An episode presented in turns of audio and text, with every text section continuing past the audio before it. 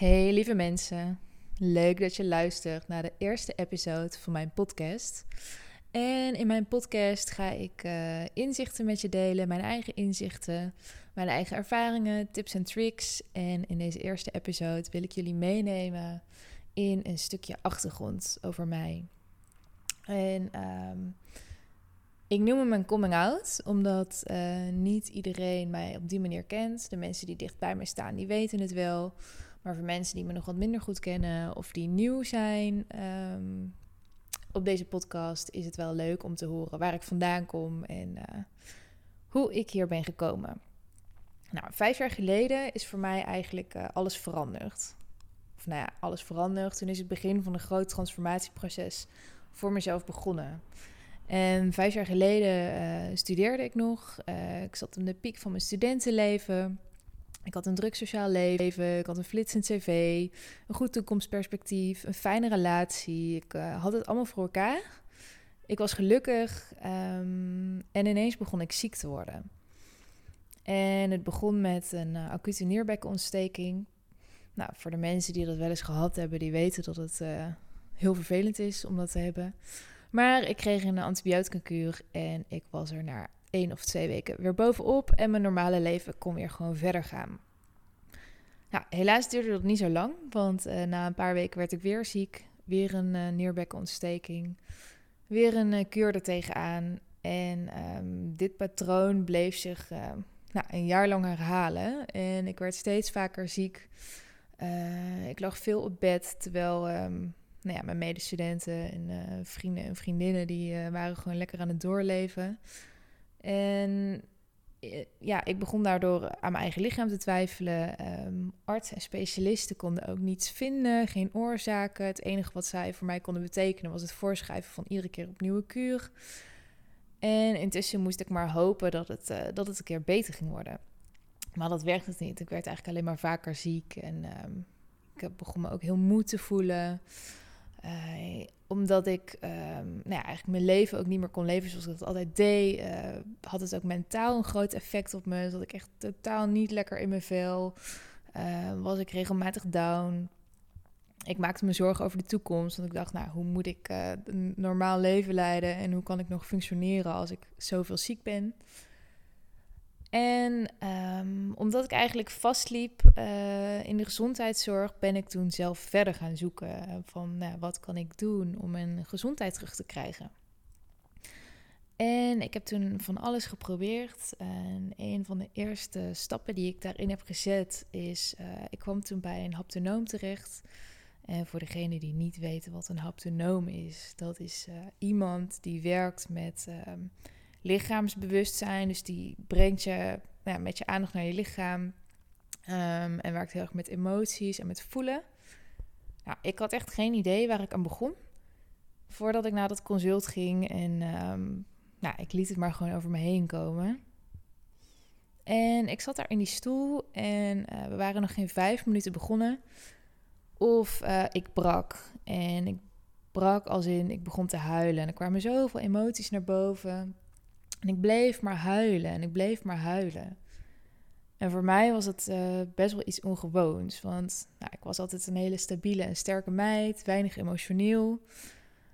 Ik ben nog steeds uh, een sterke meid. maar voorheen um, ja, was, het, was het anders als in dat ik niet zo snel emotioneel was. En uh, dat kwam met name omdat ik dus afgesloten van mijn gevoel leefde. En daar werd ik me toen pas voor het eerst van bewust. Ik was me daar dus niet eens van bewust. Uh, dus zij leerde me ja, eigenlijk weer voelen en in contact komen met mijn lichaam. En ik heb toen, uh, nou echt de hele dag uh, kon ik niet meer stoppen met huilen. Er is toen heel veel losgekomen, heel veel gehuild, heel veel opgeruimd. Um, en ik heb nog, nou, ik ben nog maandenlang met haar aan de slag gegaan. En het klinkt nu misschien uh, als iets heel dramatisch of iets heel zwaars van uh, huilen. Um, en op momenten heeft het ook zo gevoeld. Maar het heeft mij ontzettend geholpen om weer in contact te komen met mijn eigen emoties, mijn lichaam. Um, en doordat je weer leert voelen en uh, minder vanuit het hoofd leert, ga je ook andere keuzes maken en leer je ook voelen wat, wat wel en niet bij je past, waar je wel en niet blij van wordt. En voorheen, ja, had, deed ik maar wat er van me verwacht werd en wat ik dacht dat hoorde, zonder daarbij in te tunen op wat ik zelf daadwerkelijk wilde of wat ik zelf daadwerkelijk voelde. Dus ja, omgaan, leren omgaan met emoties en leren voelen was voor mij ehm, een belangrijke stap in ehm, hoe ik ja, vanaf dat punt ben veranderd en getransformeerd in mijn leven. En um, nou, mijn gezondheidsproblemen waren nog niet over. Ik merkte wel dat, dat ik heel anders in mijn vel ging zitten en dat, um, dat mijn lichaam daarop reageerde toen ik met emoties ging werken. Dus dat was voor mij eigenlijk het, de eerste keer dat ik het inzicht had van nou, ons, ons mind en ons lichaam en onze emoties zijn met elkaar verbonden. Dat had ik ook nog nooit eerder gehoord bij de huisarts. En um, wat er toen gebeurde is dat ik um, uh, darmklachten kreeg. Dus ik kreeg andere gezondheidsklachten.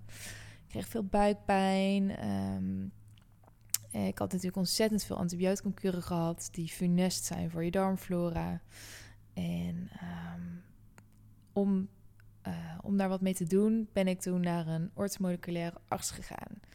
Nou denk je misschien, wat is een orthomoleculaire arts? En een orthomoleculaire orthomoleculaire arts is iemand die kijkt op um, celniveau naar de, naar de voedingsstoffen en de toxische belasting uh, die je wel en niet nodig hebt in je lichaam. En dan bedoel ik niet al voeding als in een diëtist die kijkt naar hoeveel uh, koolhydraten, eiwitten en vetten je moet hebben, maar echt naar micronutriënten zoals vitamines, mineralen, ehm, maar ook um, de toxische belasting die je in je lichaam hebt. Dus zware metalen, parasieten, bacteriën. Nou, er bleek dat er bij mij van alles los was. En ik ben toen mijn voeding radicaal gaan omgooien. Ik ben heel veel dingen uit mijn dieet gaan weglaten. Ik ben anders gaan eten. Um, ik kreeg vitamine en mineralen om mijn uh, immuunsysteem te ondersteunen. En mijn hele ja, manier van eten en voor mezelf zorgen is toen veranderd. En dat heeft best wel een tijd geduurd. Ik begon al snel uh, positieve verandering te merken. En dat, nou, dat werd steeds meer. En ik denk dat na een jaar, uh, dus dat is ook wel een lange tijd, dat ik heel mijn uh, spijsvertering weer op de rit had. En een van, die, een van de mooie bijkomstigheden was dat ik daarna ook geen nierbekontsteking meer kreeg. Dus dat mijn immuunsysteem was super sterk geworden. Ik was fit, ik zat lekker in mijn vel, ik was weer gelukkig. Maar ik was wel enorm getriggerd in uh, de connectie tussen onze ja, body, mind en soul, als het ware. En ik ben toen uh, alles gaan leren en opzoeken wat ik daar maar over kon vinden. Ik ben ook heel veel gaan uitproberen. Ik ben zelf uh, de opleiding orthomoleculaire geneeskunde gaan doen, omdat ik um, zo impressed was van het resultaat wat het op mijn lichaam had. Maar op een gegeven moment kwam ik ook met het aanpassen van mijn voeding um, tegen een bepaald plafond aan. En kwam ik erachter dat het echt maar één puzzelstukje van de puzzel is. Om, je, om als mens lekker in je vel te zitten. Want we zijn niet alleen fysieke wezens, maar we hebben meerdere lagen. Dus fysiek, mentaal, emotioneel en spiritueel. En uh, nadat ik dat fysieke stuk uh, begreep en te pakken had, ben ik me gaan focussen op de andere drie lagen. Ik ben uh, verschillende yoga-opleidingen gaan doen. Ik ben trainingen gaan doen waarin ik heb leren werken met energie. Ik heb me ontwikkeld op, het spirituele, op het spirituele vlak. En um, eigenlijk het, ja, de total package heb ik me in verdiept. En ik heb ontzettend veel uitgeprobeerd en ervaren. Ook heel veel dingen die niet werken voor mij. Uh, dus het was een uh, enorme zoektocht. En ik heb daar zoveel in geleerd dat ik het zonde vind om die kennis niet te delen met de rest van de wereld. Want in de maatschappij waarin we nu leven is het zo nodig om daar meer aandacht aan te besteden. Als je kijkt naar uh, het aantal burn-outs wat jaarlijks stijgt, mensen die overspannen zijn, uh, de grote hoeveelheid prikkels die wij uh, op, ons afkomen, op ons afkrijgen in het dagelijks leven.